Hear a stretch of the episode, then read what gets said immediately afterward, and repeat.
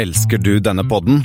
Gjennom Acasts nye supporterfunksjon kan du nå vise din støtte til podskaperne.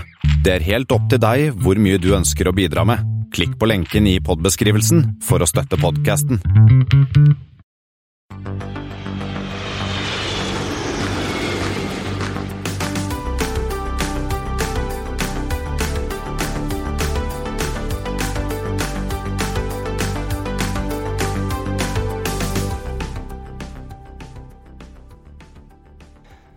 Hei og velkommen til Flypoddens Flight 150, en spesial påskeepisode. Vi er på ferie, men eh, vi har en episode klar for dere for det, da vi i forrige uke var så heldige å få en prat med Terje Grue, sjefen for Emirates i Norge, og visstnok Island, tror jeg.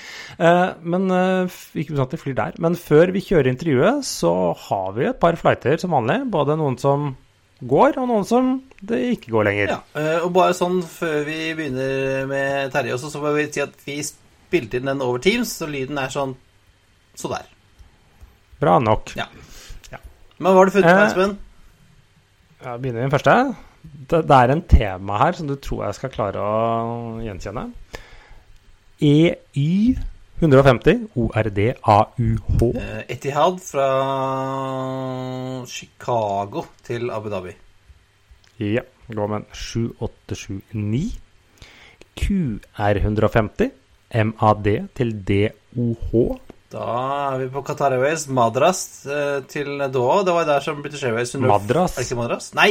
Madras, ja. jeg hang opp i British Airways fra forrige gang, jeg. Nei, Madrid, selvfølgelig. Madrid. Kunne vært Madras, da.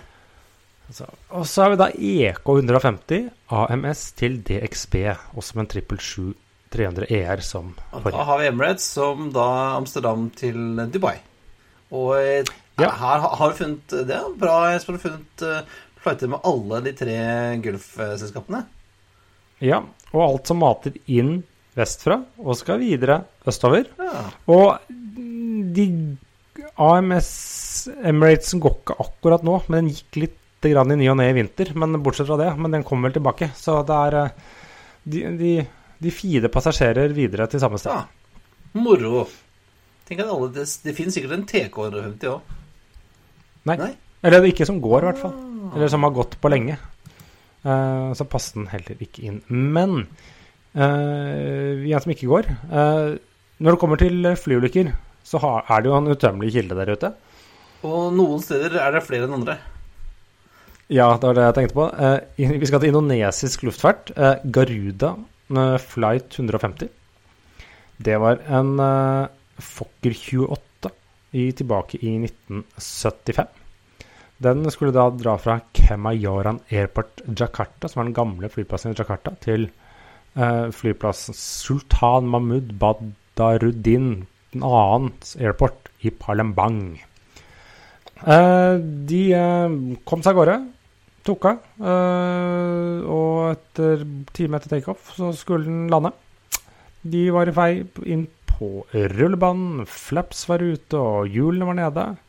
Og så like før flyplassen så dukket opp en tåke, gitt.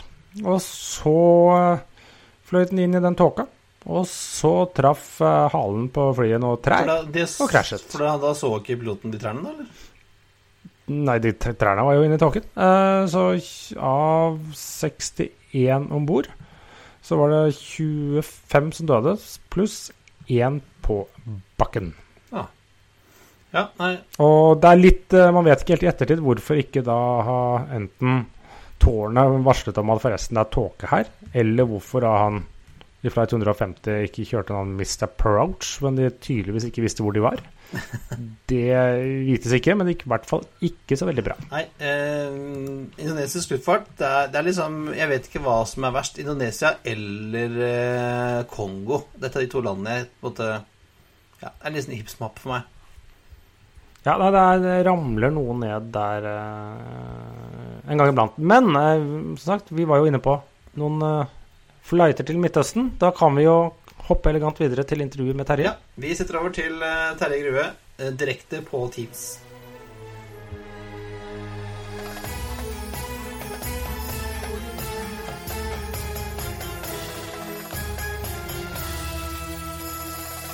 Da har vi fått besøk i Flypodden i denne spesial-påske-edition av Terje Grue, som er landssjef for eh, Emirates i Norge. Stemmer ikke det, Terje? Det stemmer, det. Det er veldig hyggelig å få lov til å komme og besøke dere i påskespesialen. Ja, det, dette skulle vi gjort for lenge siden, og helst skulle vi gjort dette inni en flymaskin, men det er jo litt vanskelig om dagen. Ja, det er litt mer krevende i hvert fall. Eh, så vi får, eh, vi får ta, ha det til gode. Kanskje når vi liksom begynner å eh, komme til en viss form for normalitet, så kan man feire det med sånn gjesteopptreden fra Flypodden for å se hvordan, hvordan, det faktisk er når folk fyller flyene igjen. Litt heldig at jeg får lov til å være på Gardermoen med sånn ujevne mellomrom. Fordi man har ansvaret for det som skjer der oppe også. Men, så jeg kjenner liksom at det, det jaget etter kerosinlukt, det er der konstant. Men men jeg kunne liksom ikke påstå at dette var grunn nok til å invitere alle dit, da, dessverre. Selv om jeg gjerne skulle gjort det. Ja, vi, vi, noterer at vi har en eh, stående invitasjon der, Espen. Ja, når det er mer enn bare laks som skal ut av landet, så er vi klare. Ja, eh, men eh, Terje, jeg har jo kjent deg ganske lenge. Du, jeg kjente traff deg første gangen back in the day, tidlig i 2000-tallet, når jeg jobbet med prissetting i SAS, og du gjorde tilsvarende i Lufthansa. Så du jo, har jo en, tross ikke altfor høye alder, en ganske lang karriere innenfor luftfart i Norge? Ja, det begynner å bli mange år. Um det gjør det. Eh, jeg har jo ikke flyttet så mye rundt på meg heller, egentlig. Det var vel 15-16 år i Lufthansa før plutselig det banket på døren og spurte om ikke det var på tide å finne på noe litt annerledes. Eh, og da hadde jeg jo egentlig sagt at jeg aldri skulle jobbe i et annet flyselskap. Da, fordi jeg tenkte at har man liksom fått plass eh, ved, ved det lederbordet i den nordiske ledergruppen til Lufthansa-gruppen, så har man liksom kommet kanskje på hvert fall for de utenlandske selskapene relativt greit til et sted hvor det er mye som skjer hele tiden. Uh, men så ble det mye endringer, og man kjente vel litt på at ting ble veldig sentralisert. Og man hadde bare til slutt en uh, ja, mindre påvirkningskraft enn man hadde til å begynne med i, i, karrieren der. da. Og når da tidligere Lufthansa-sjefer banket på døren og sier at det er ikke på tide å se om vi kan gjøre noe litt annerledes, og tenke litt større, skal du ikke bli en del av denne visjonen i Dubai og visjonen Emirates, så brukte jeg ikke veldig lang tid. Um, og det var en uh, hurtig og ganske brutal ansettelsesprosess fordi de hadde dårlig tid. Ehm, så det gikk fort, da. Og det er kanskje sånn det skal være når man først har et sånt valg at man skal hoppe av et, eh, et tog i 200 km i timen. Så er det greit å bare hoppe og ikke tenke så veldig lenge på det. Så det er vel nå snart eh, Ja, det blir sju år siden, da, omtrent i disse dager. Ja, litt senere, litt lenger ut i året, men omtrent sju år siden nå. Så, og det var veldig gøy. Og det er jo utrolig eh, sjelden at man får lov å være med på å åpne og bygge opp et eh, nytt interkontinentalt eh, eh, oppstartsprosjekt, på en måte sånn som Emirates da gjorde. Fordi eh, ofte så er det liksom en lang, lang eh, prosess før det som man ikke får vært med på. Men her fikk man i hvert fall med på oppløpet da, før flyet startet. Ja, for nå i august da er det sju år siden Emirates kom med sin første passasjermaskin til OCL. Ja, 2. september. September var det. Pinlig korrekt, da. Så det begynner jo å nærme seg. Selv om eh, selv om det da har vært et bitte lite pause nå i, i fjor eh, på, på, våren og sommeren. Men ellers ellers har vi jo vært her da i snart syv år. Og det skal sies, Terje, at jeg faktisk søkte på den jobben som du fikk, da. men så så jeg men så sånn, sånn, når, når, du søker på den jobben, så ser du hvem som får den, så tenkte jeg at ja, det er greit. Ja, Det var hyggelig sagt, Christian. Det kunne jo vært at du var fornærma, liksom. Nei, jeg tenker at uh, jeg hadde ikke så mye å stille opp, stille opp mot uh, der, altså, den, uh, på den tiden der. Men du, du, var inne på det, Terje, at, at um, det var en liten pause i Emirates flyvning til Oslo i fjor, altså rett etter første lockdown. Ja. Men nå går dere hver dag, eller? Nei, vi er ikke tilbake på daglig, vi er ikke det enda. Vi er tilbake med tre ukentlige avganger. Vi måtte jo stenge fordi myndighetene i eh, UAE, som vi er hjemmehørende i, altså De forente arabiske emirater, de lukket luftrommet for all trafikk inn og ut. sånn at det var rett og slett ikke mulig å ha transittpassasjerer eller ruteflyvninger i det hele tatt. Og det ble gjort for å sikre at det landet på en måte fikk lagt lokk på eh, både importsmitte og spredning av eh, viruset i, i landet. Eh, og det betydde jo at vi da gikk fra å være et av verdens største, om ikke det største flyselskapet, én dag til å absolutt ikke fly eh, på dag nummer to. Og der var jo da Norge også en av de rutene som selvfølgelig da ble rammet. Og så var vi uten flyforbindelse eh, i ganske mange måneder. Altså fra faktisk da i slutten av mars i 2020 fram til første, i starten på august, jeg lurer på om det var 4. august ja, i 2020 at vi da åpnet opp igjen. Så, så, det er godt å se at vi startet igjen. Da startet vi med to ukentlige. Og så ser vi gjennom de siste månedene at det har vært behov for å kunne øke det lite grann. Og det er jo ikke noe tvil om at når man så på det regnestykket først om man skulle begynne å fly eller ikke, så var det jo da pågangen av frakt både inn og ut av Norge. Og nå er det jo litt atypisk. Nå er det også stor etterspørsel av frakt til Norge. Normalt sett er det veldig tungt ut. Eh, mm. Men det er klart, eh, når eh, vi står oppe i en pandemi som vi gjør, så er det også behov for andre typer leveranser. Så der har det vært mye smittevernutstyr, og det har vært blomster, og det har vært matvarer, og det har vært ja, så ymse som har kommet inn også, da, med disse tre, eller først to, og så tre passasjerflyene, i tillegg til den rene fraktoperasjonen som ruller parallelt med, med passasjeroperasjonen. Og den har gått omtrent hele tiden, eller? Ja, fraktbiten med de vanlige fraktflyene har gått som normalt helt uh, i hele pandemien. Det, vi har to ukentlige sånne uh, 777, Boeing 777 uh, som er da helt bygget om for frakt. Så der har du jo der hvor vi er vant til å sitte, er det jo bare et stort uh, fraktrom. Dere har jo vært og sett på hvordan det ser ut mm. hos, hos, noen av aktørene der oppe. men i tillegg så har vi nå bygget om 16 passasjerflymaskiner hvor vi har tatt ut den bakre altså Setene i den bakre økonomiklassekabinen de er tatt ut, sånn at man har da fått det vi kaller en passasjerfrakter eller minifrakter. Som gjør at man har mer kapasitet til å ta en del type transport i kabinen. Så vi så jo at frakt var fort et, et ben man kunne stå på. Så, og der kastet vi oss ganske fort rundt som selskap og grep uh, tak i den forretningsmuligheten vi hadde. da, ved at uh, det var ikke akkurat knapphet på flyressurser hos oss. Det var uh, fryktelig mange fly på bakken. Og de kunne man jo da bruke. Og så så man vel først at det var en fin måte å få en eh, god og sunn cashflow i selskapet på. Og så ser man jo som et bidrag av det, eller et eh, biprodukt nesten av det, at man også klarte å holde de flyvende i gang med lisensene sine, slik at man ikke trengte å bruke bare eh, simulatortrening på dem. Så det er, jo et, det er jo et maskineri som hele tiden skal smøres på den ene eller andre måten. Så der var vi ganske heldige som raskt kunne klare å, å utnytte flåten. Da. Nå tror jeg ikke noen trodde at vi skulle bruke så veldig mange av flyene våre til frakt sånn til å begynne med. Men man så jo at etterspørselen var helt ekstrem. Eh, sånn at eh, det ble fryktelig fort fra at man hadde aktivisert noen få fly til å drive med dette, til at store deler av Boeing-flåten ble, ble, brukt til å fly frakt. Ja, for dere har jo, si, Halve flåten deres er jo veldig godt egnet til frakt, og så er det kanskje den andre halvdelen som er best på passasjerer. Ja, eh, altså, Og i disse tider. Ja. ja, i hvert fall i disse tider. Altså, det er klart at En, en Airbus 380 er ikke laget for, for frakt. Uh, vi brukte noen av den, de også, uh, til å frakte noen ting. Uh, den er såpass unik i form av at der kan alle bagasjerommene temperaturkontrolleres 100% i forhold til på en uh, 777 så kan man ikke det overalt. Så den har noen fordeler, men den har jo ikke den samme kapasiteten. Så hvis vi på en måte tar et et passasjerfly med greit godt belegg, da, så klarer vi allikevel å ta med tett på 50 tonn frakt. Som utgjør Det er ganske mye, mye mm. tonnasje. Mens en uh, Airbus, Airbus 380 uh, i vår konfigurasjon kanskje klarer et sted mellom 12 og 17 tonn, litt avhengig av da belegget. Så det sier seg jo selv da, at uh, 777 er arbeidshesten for, uh, for fraktbiten vår. Ja, det blir mye luft hvis du skal fly rundt en 380 som fraktmaskin. Altså det, det er sant. Men hvis vi tenker liksom litt tilbake da, til gamle dager, dvs. Si eh, februar eh, i fjor. Eh, hvem, da, da, gikk det jo, da hadde du i hvert fall én daglig med 777, og av og til to, eller? Altså, vi har jo ja, på, vi har hatt noen sånne sesongvariasjoner hvor vi har fløyet med, med, noen flere avganger. Men vi har liksom alltid holdt oss til denne ene daglige.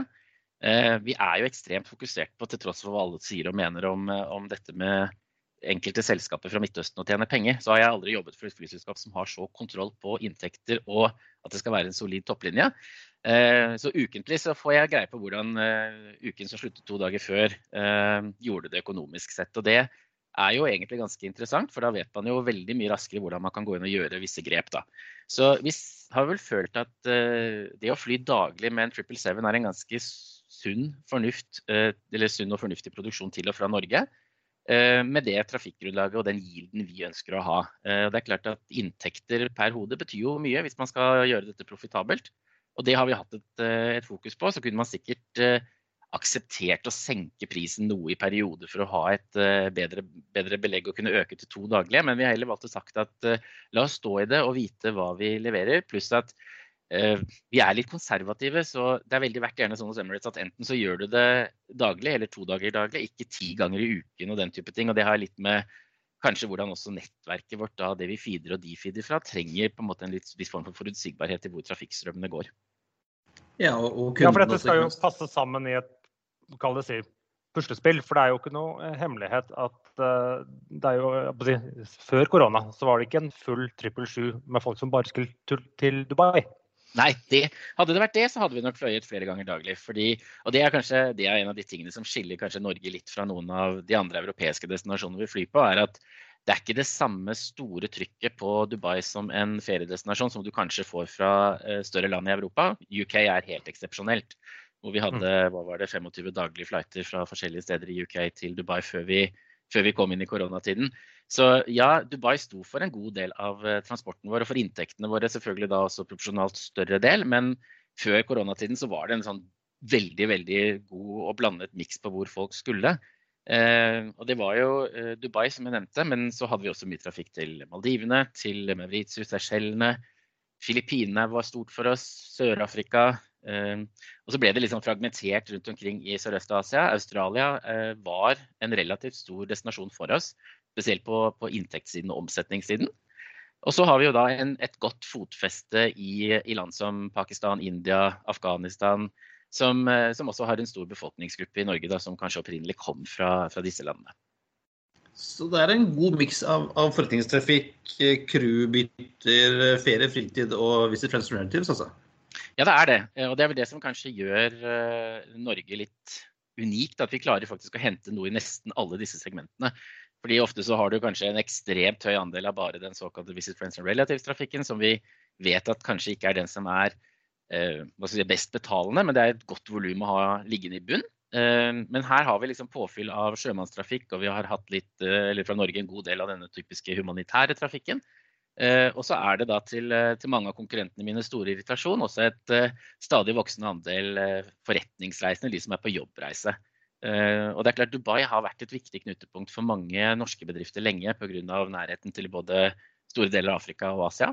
Men så ser vi også at for de ultralange reisene, sånn som til Australia, hvor vi tror at det er ikke så mange som reiser dit på jobb fra Norge, så blir man litt overrasket når man ser faktisk hvor mange som reiser dit. Og det fine med det er at der er det veldig lite vanskelig for bedriftenes ansatte å få godkjent det å fly ordentlig premium.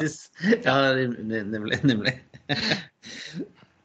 um, og, det, var, ja, det, det, det var en god miks med både destinasjoner og, og, og type passasjerer. Og Emirates er jo et får, i hvert fall et inntrykk av at det er et veldig sånn high, high yield premium-selskap. Men, men, det er veldig mange ferie- og fritidsreisende også som reiser eh, bak i bussen? Ja, ja, absolutt.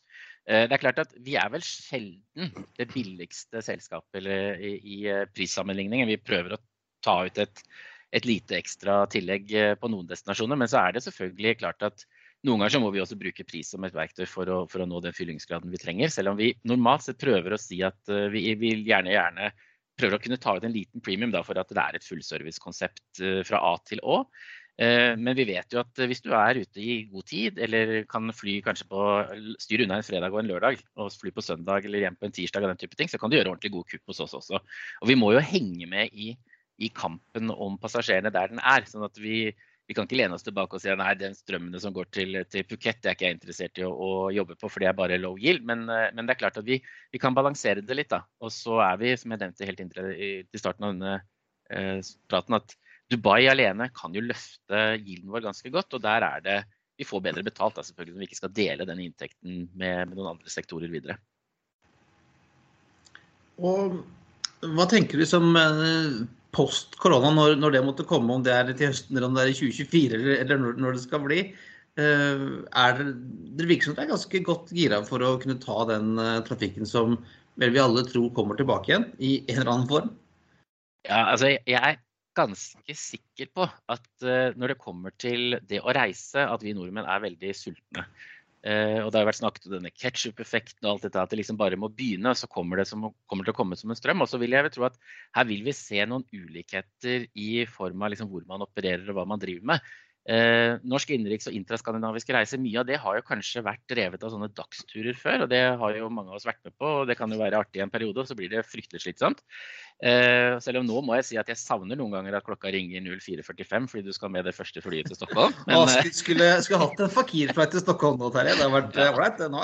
Hadde vært helt fint. Men jeg tror kanskje at altså, de, den type trafikk er jo lettere å erstatte med Teams-møter og andre typer ting. Men skal du lage en, en avtale med noen i India eller i USA, eller om du skal til uh, Sør-Afrika eller til andre steder i verden, så er det noe med at man må se folk og ta det i hånda, kanskje. og på en måte få en følelse av det. sånn at jeg tror kanskje at den interkontinentale trafikken den blir litt mindre hardt rammet av det fullstendige stoppet som noen dommedagsprofeter sitter og snakker om.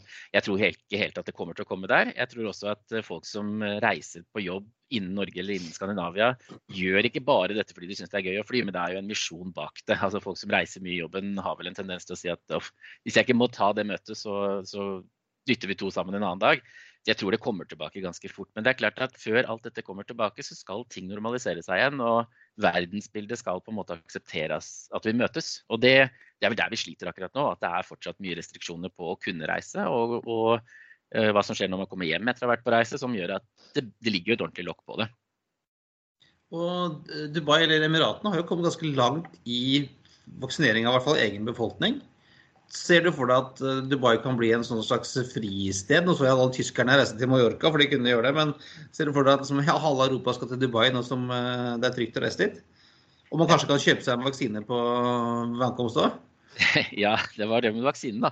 Men eh, altså, Dubai, spesielt Dubai, for der er det jo i disse syv forskjellige emiratene så har det vært en litt ulik håndtering av koronapandemien og hvordan man skulle gjøre det. Men Dubai slo veldig, veldig hardt ned veldig fort. Eh, og jeg tror at Når vi snakker om at vi er i lockdown i Norge og i lockdown versjon 2.0 osv., så, videre, så kan jeg jo fortelle at de kollegaene mine der nede de levde jo ordentlig i lockdown i perioden fra 26.3 mars i fjor og fram til ja, i mai måned. Eh, hvor De første ukene så var det rett og slett portforbud. Du kunne ikke gå ut i det hele tatt. og Skulle du på butikken, og den eneste butikken du kunne gå på var vel apoteket og dagligvareforretninger, så måtte du søke politiet via en app, og da fikk du tildelt en, et klokkeslett, et tidsrom på ca. to timer hvor du fikk lov å bevege deg. Eh, og Da kunne du da dra til den supermarkedet eller den butikken du hadde sagt du skulle. og Hvis du ble oppdaget eh, andre steder i byen enn der du hadde sagt du skulle være, så fikk du bot. Og Det er jo ikke en kvadratcentimeter av Dubai som ikke er overvåket med kamera, så dette tar de på skiltet på bilen din. Så det var jo relativt effektivt, da. Men uh, de fikk jo da også kontroll på smitten veldig fort. Uh, og det gjorde jo til at Dubai som, som, stat var veldig raskt ute og sa at vi skal ha turisme tilbake. Vi, vi lever av det. Det er en så stor viktig del av inntektene til både staten Dubai og til mange av de menneskene som bor og lever der. Så de åpnet igjen for turisme i juli i fjor. Og da er egentlig alle velkommen. Men det er med et testregime før du får lov å komme inn i landet. Og du må registrere deg på en eh, app som sporer deg hvor du har vært. Og hvis du da har vært i steder hvor de har dekket smitte, så blir du kontaktet og den type ting. Så der er kanskje personvernet satt et skritt i bakkant av smittevernet, og så sikrer man at de som kommer til landet er friske. Så jeg tror nok at også for nordmenn, eh, eller skandinaver, så tror jeg at eh, Dubai kan bli et veldig populært eh, reisemål når vi kommer liksom over sommeren og vi har begynt å få vaksinene. Fordi man ser at dette er et, et, et sted hvor man har fått kontroll på smitten. Så nå er jo langt på vei alt åpent i Dubai. Hotellene har en litt lavere kapasitet enn de hadde før korona kom, så de kan eh, holde på med 60-70-80% belegg. Eh, det som mangler per nå, er eh, det nattelivet mange har snakket om i Dubai. Altså, ute, altså, nattsted, altså det, nattklubber og puber og barer. De er fortsatt ikke åpne. Men man kan gå ut og spise, man kan være på stranden, man kan gå over bassenget. Kinoene er åpne. altså Den type ting er åpent og mulig å oppleve. Og så vil man jo da se, så lenge man får mer og mer kontroll på smittesituasjonen eller viruset, og ikke minst at uh, folk blir vaksinert, så åpner det nok mer. Og det er som du sier, alle som bor i Dubai eller i UAE, de begynner å nærme seg Jeg tror de nå har kommet opp i 50 eh, eller drøye 50% av vaksineringen. Og det rammer eller omfatter jo også de som jobber for Emirates i, eh, i Dubai. Så du har, tatt, du har ikke tatt deg en tur ned, Terje, for å få et lite shot? Jeg skulle gjerne gjort det, men, eh, men jeg, er da, jeg, er jo ikke registrert som resident i, eh, i Dubai. Eh, og der har de faktisk vært ganske strenge i forhold til hva man kanskje spekulerte litt i, at det er bare å komme, så får du det. Men det er jo det samme, det samme vaksineløpet som i Norge, at de startet med mm. først de, de, eldre, og så har man rullet ut avhengig av hvordan man får vaksinen. Og nå er man vel kommet til at mer eller mindre de som ønsker å ta den, kan komme og få den. Av de som bor i, bor i Emiratene. Men utlendinger vi er fortsatt ikke helt på plass der. Men du vet, skal du ta det, så er det liksom tre uker da, å kombinere det med sånn halvveis organisert familieliv. Jeg vet ikke hvor populært det hadde vært på hjemmefronten hvis jeg sa at jeg tar tre uker i Dubai nå. Tre uker på stranda, liksom? Ja, det hadde vært deilig, da. Men eh, si ta steget videre fra vaksiner, kan du snakke litt om produktet deres? For dere er vel, eller har tidligere vært et av de få som bl.a. tilbød first class fra Norge, stemmer ikke det? Det stemmer, og det gjør vi fortsatt. Uh, så vi er vel en det, og det var den vi skulle teste, var det ikke det, Espen? Dere kan i hvert fall få lov å sitte i setet. Men så har vi stadig veldig, veldig gode tilbud i first class, da, så jeg skal sørge for å dele det med dere når det kommer. Vi er jo, ja, vi er, vi er, eh, det eneste selskapet som flyr med, med first class på, på, Oslo. Og det var jo mange som lo litt av det når vi lanserte at det produktet skulle komme og, og være en del av det standardtilbudet vi hadde på Norge. Så har vi jo sagt og ledd eh, med de, eh, og sagt at dere skulle bare visst hvor mange som faktisk er der. Og det er jo, Før covid så hadde vi et represent, si, respektabelt beleggsprosent i first class.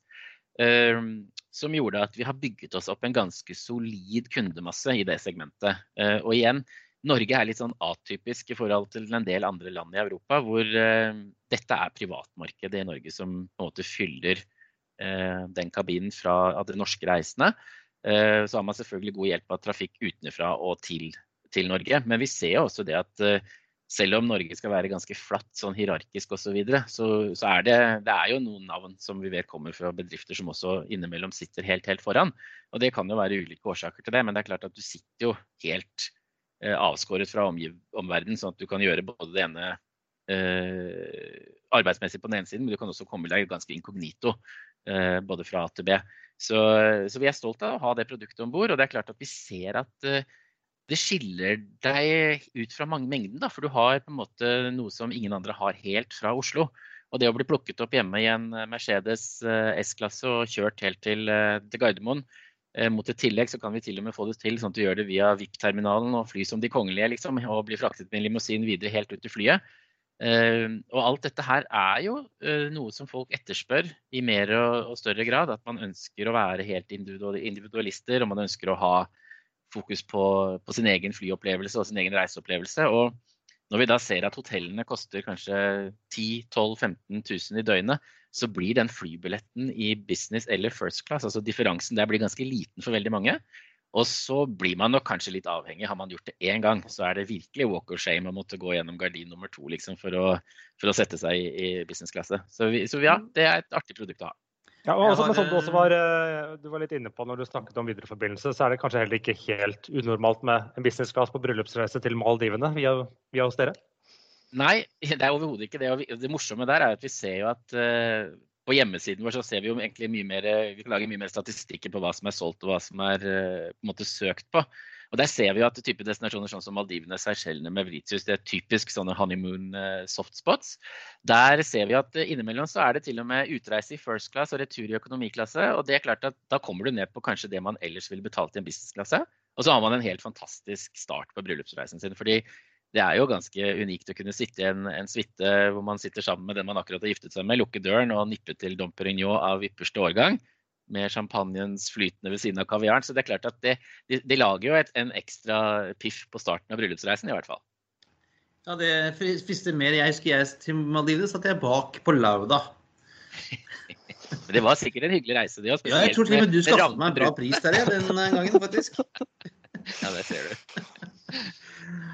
Ja, det går, an, det går alltid an å drømme eh, om det. Men, det, så, det går, altså, så det går ganske bra, altså. Jeg liker i hvert fall. det gikk, det gikk, ganske bra. Vi var egentlig veldig fornøyd med sesongen. Eller, vi har avvikende regnskapsår, så vi starter eh, nytt regnskapsår 1.4. Så når vi liksom eh, stevnet inn mot uh, avslutningen av det forrige året, så var vi ganske godt fornøyd med det. Og så begynte det jo selvfølgelig å lugge litt før det lugget helt. Sånn at vi, vi, var, uh, vi var egentlig ganske godt, ganske godt, fornøyd. Men det er klart at de siste månedene i det avvikende året vårt da i fjor, det, ikke, det hjalp jo ikke på å ha et, et godt resultat. Men sånn er det, det kan man ikke rå over. Eh, så det vi ser er jo at man evner å ta ut en, en, fornuftig inntekt av det man holder på med, og klarer å tjene penger på det, så, er, så, må man jo si seg fornøyd med det. Og så kan man jobbe da selvfølgelig med å optimere de inntektene og kanskje da i, på litt lengre sikt da, ha et fokus på å øke kapasitet og frekvenser. Ja, for det, det skaper jo et litt sånn Dette gjelder jo alle bransjen. er jo et spesielt kalt eh, shipping, crew change eller business travel. Når man da kun tilbyr i dag helt naturlig tre ganger i uken, så skaper det noen, eh, noen kanskje vanskeligheter eh, for å få liksom, programmet til å gå opp. Og Det er derfor ja, det man gjerne har kjørt daglig. nettopp tidligere. Det, det gjør det, det er sant det. Men, men, det er klart igjen, som jeg snakket om, da, det, en, det, er nødt til å være en økonomi i det. Og så har vi i dag eh, så mye utfordringer med hvilken type kapasitet man kan tilby. Eh, skal du, altså F.eks. Maldivene er et eh, godt eksempel. Der er det åpent for alle. Der kan vi fly så mye vi vil. Og der er det det eneste som på en måte begrenser kapasiteten der, er vel når femstjernershotellene begynner å bli fulle, så etterspørselen faller litt. Eh, så kan man se på Filippinene, som er et kjempedestinasjon, spesielt når man kommer til shipping og crewbytte. Hvor det er så mye restriksjoner på hvor mange passasjerer vi får lov å ha med pga. karantenerestriksjoner på, på Filippinene. Og Det skaper jo utfordring for oss, men også for alle konkurrentene våre. ved at uh, man får bare plass til så mange man får plass til på de karantenehotellene. Og når de er fulle, så får heller ikke vi lov å fly, fly med flere passasjerer.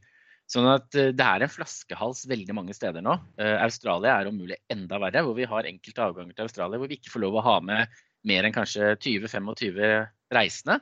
Men allikevel så må trafikken gå, fordi det er, det er, trafikk som skal både inn og ut, pluss at vi da har frakten i, i tillegg. Sånn at det er et uh, ordentlig puslespill i forhold til uh, hva man har sett uh, tidligere. Ja, vi får krysse fingrene og håpe at det er snart ferdig. Det går jo ikke an.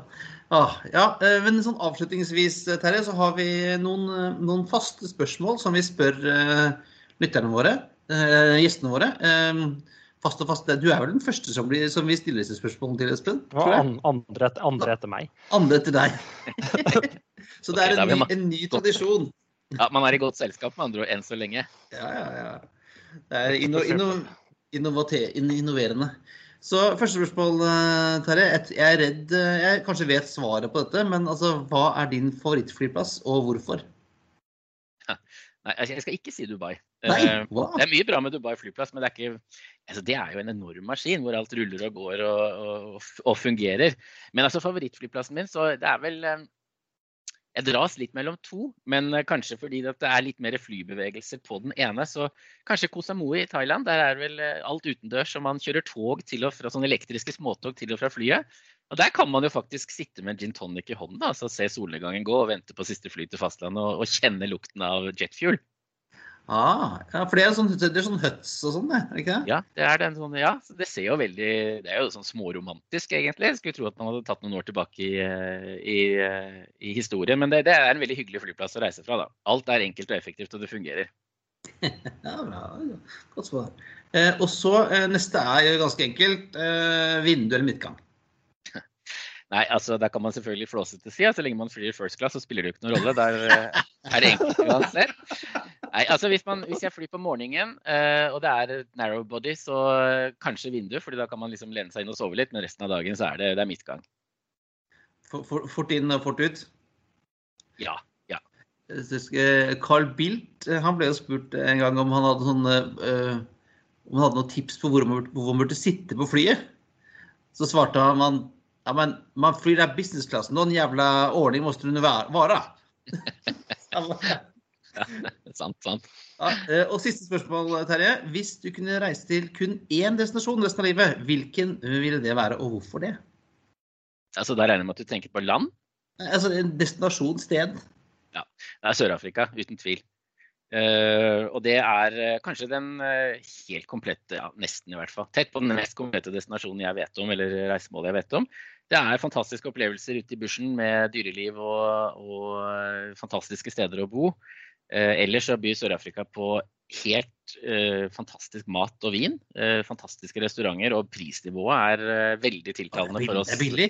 Det er kjempebillig. Altså For nordmenn så er det kjempebillig. Selv det dyreste og det dyreste, altså mat og drikke, blir aldri dyrt der nede. Så det er kjempespennende.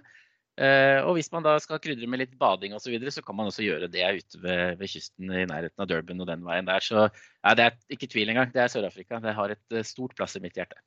Ja, det er jeg ganske enig med deg. Jeg var der, jeg var der nå i fjor, nei, var 19. Uh, da fløy jeg dessverre turkish, må jeg, må jeg innrømme. Men, ja, vi kan alle gjøre feil. Ja. Men det, jo, men det er ganske, ganske radig rett ned, da. Til, både om du drar via, via, Istanbul eller om du drar via Dubai, så er det jo rimelig rett ned til, eh, til Johannesburg f.eks. Det er det, og så er det ingen i hvert fall det er veldig liten tidsforskjell, det er en time kanskje, men det er det man på en måte drar med seg. Så det er en fin destinasjon å kunne gjøre en sånn halvlang ferie på, og så kan du gjøre den så langt du bare vil. Altså Afrika er et kjempespennende kontinent, og jeg tror det også er noe som folk kommer til å utforske mer og mer. Det eksotiske og det spennende. Ja, helt klart. Men uh, jeg sier, uh, hvis ikke du hadde noe du ville legge til, Terje, så sier vi tusen, tusen takk for at du ville dele litt av erfaringen og, og, hva som har skjedd i Emirates det siste året. Veldig hyggelig å få lov til å komme og dele litt. Og så, som jeg sa, vi får ta en, en repeat da, når vi liksom har fått ordentlig luft under vingene igjen. Så kan dere få lov å komme og titte litt på hvordan produktet ser ut. Sånn med, med fysiske følelsen av hva det faktisk er. Sitte i en stol kan vi få lov til, i hvert fall. Ja, i hvert fall det. Det skal bli gøy å gjøre igjen. Det er et sånt år siden, det også, Trent. Så. Ja, ser du bort fra Wizz da, men uh, ja. det nevner vi ikke noe mer. Nei, I hvert fall ikke noe å snakke med Terje. uh, når, når fløy du sist, forresten, Terje? Uh, du, det er faktisk ikke så veldig lenge siden. Jeg var i Trondheim i vinterferien. Men det er jo Ja, det var enkelt og effektivt, det. Man kan stole på SAS til Trondheim. Det funker, det òg. Takk, Tusen takk skal du ha, Terje. Eh, vi høres når eh, verden blir normal. Det ser jeg fram til. Takk for praten. takk skal du ha.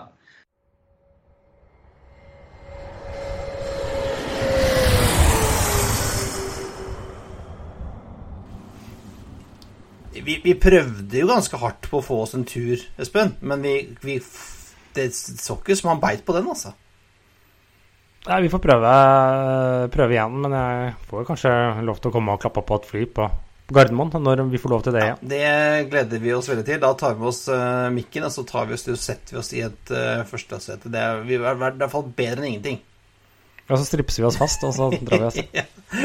Prøv å dra oss av, det, Terje. Skal vi se åssen det går. Nei, det var veldig, veldig gøy og veldig hyggelig å prate med Terje. Jeg har jo kjent han en stund, og han er jo en fyr som uh, ja, om, om, vi, eh, om vi eh, puster luftfart, så har jo han pusta det og har jetfuel i årene, i hvert fall. Mm. Men det var alt for denne gang. Det er på tide å feste sikkerhetsbeltet, rette opp setet og sikre fri sitt ut av vinduet ettersom flight 150 går inn for landing. Som vanlig finner du linker til vi har snakket om i dag på flypodden.no. Du finner oss også på Facebook, på Twitter og Instagram og på LinkedIn. Har du spørsmål, vil du invitere oss på flytur eller sponse oss, er det bare å sende oss en mail på hallo.flypod.no eller på Facebook. Og eh, hvis alt går til planen, så er vi tilbake igjen neste uke med vanlig episode. Ha det bra. bra. Og god påske. We thank you for flying with us today. We truly appreciate your business and look forward to serving you on a future flight.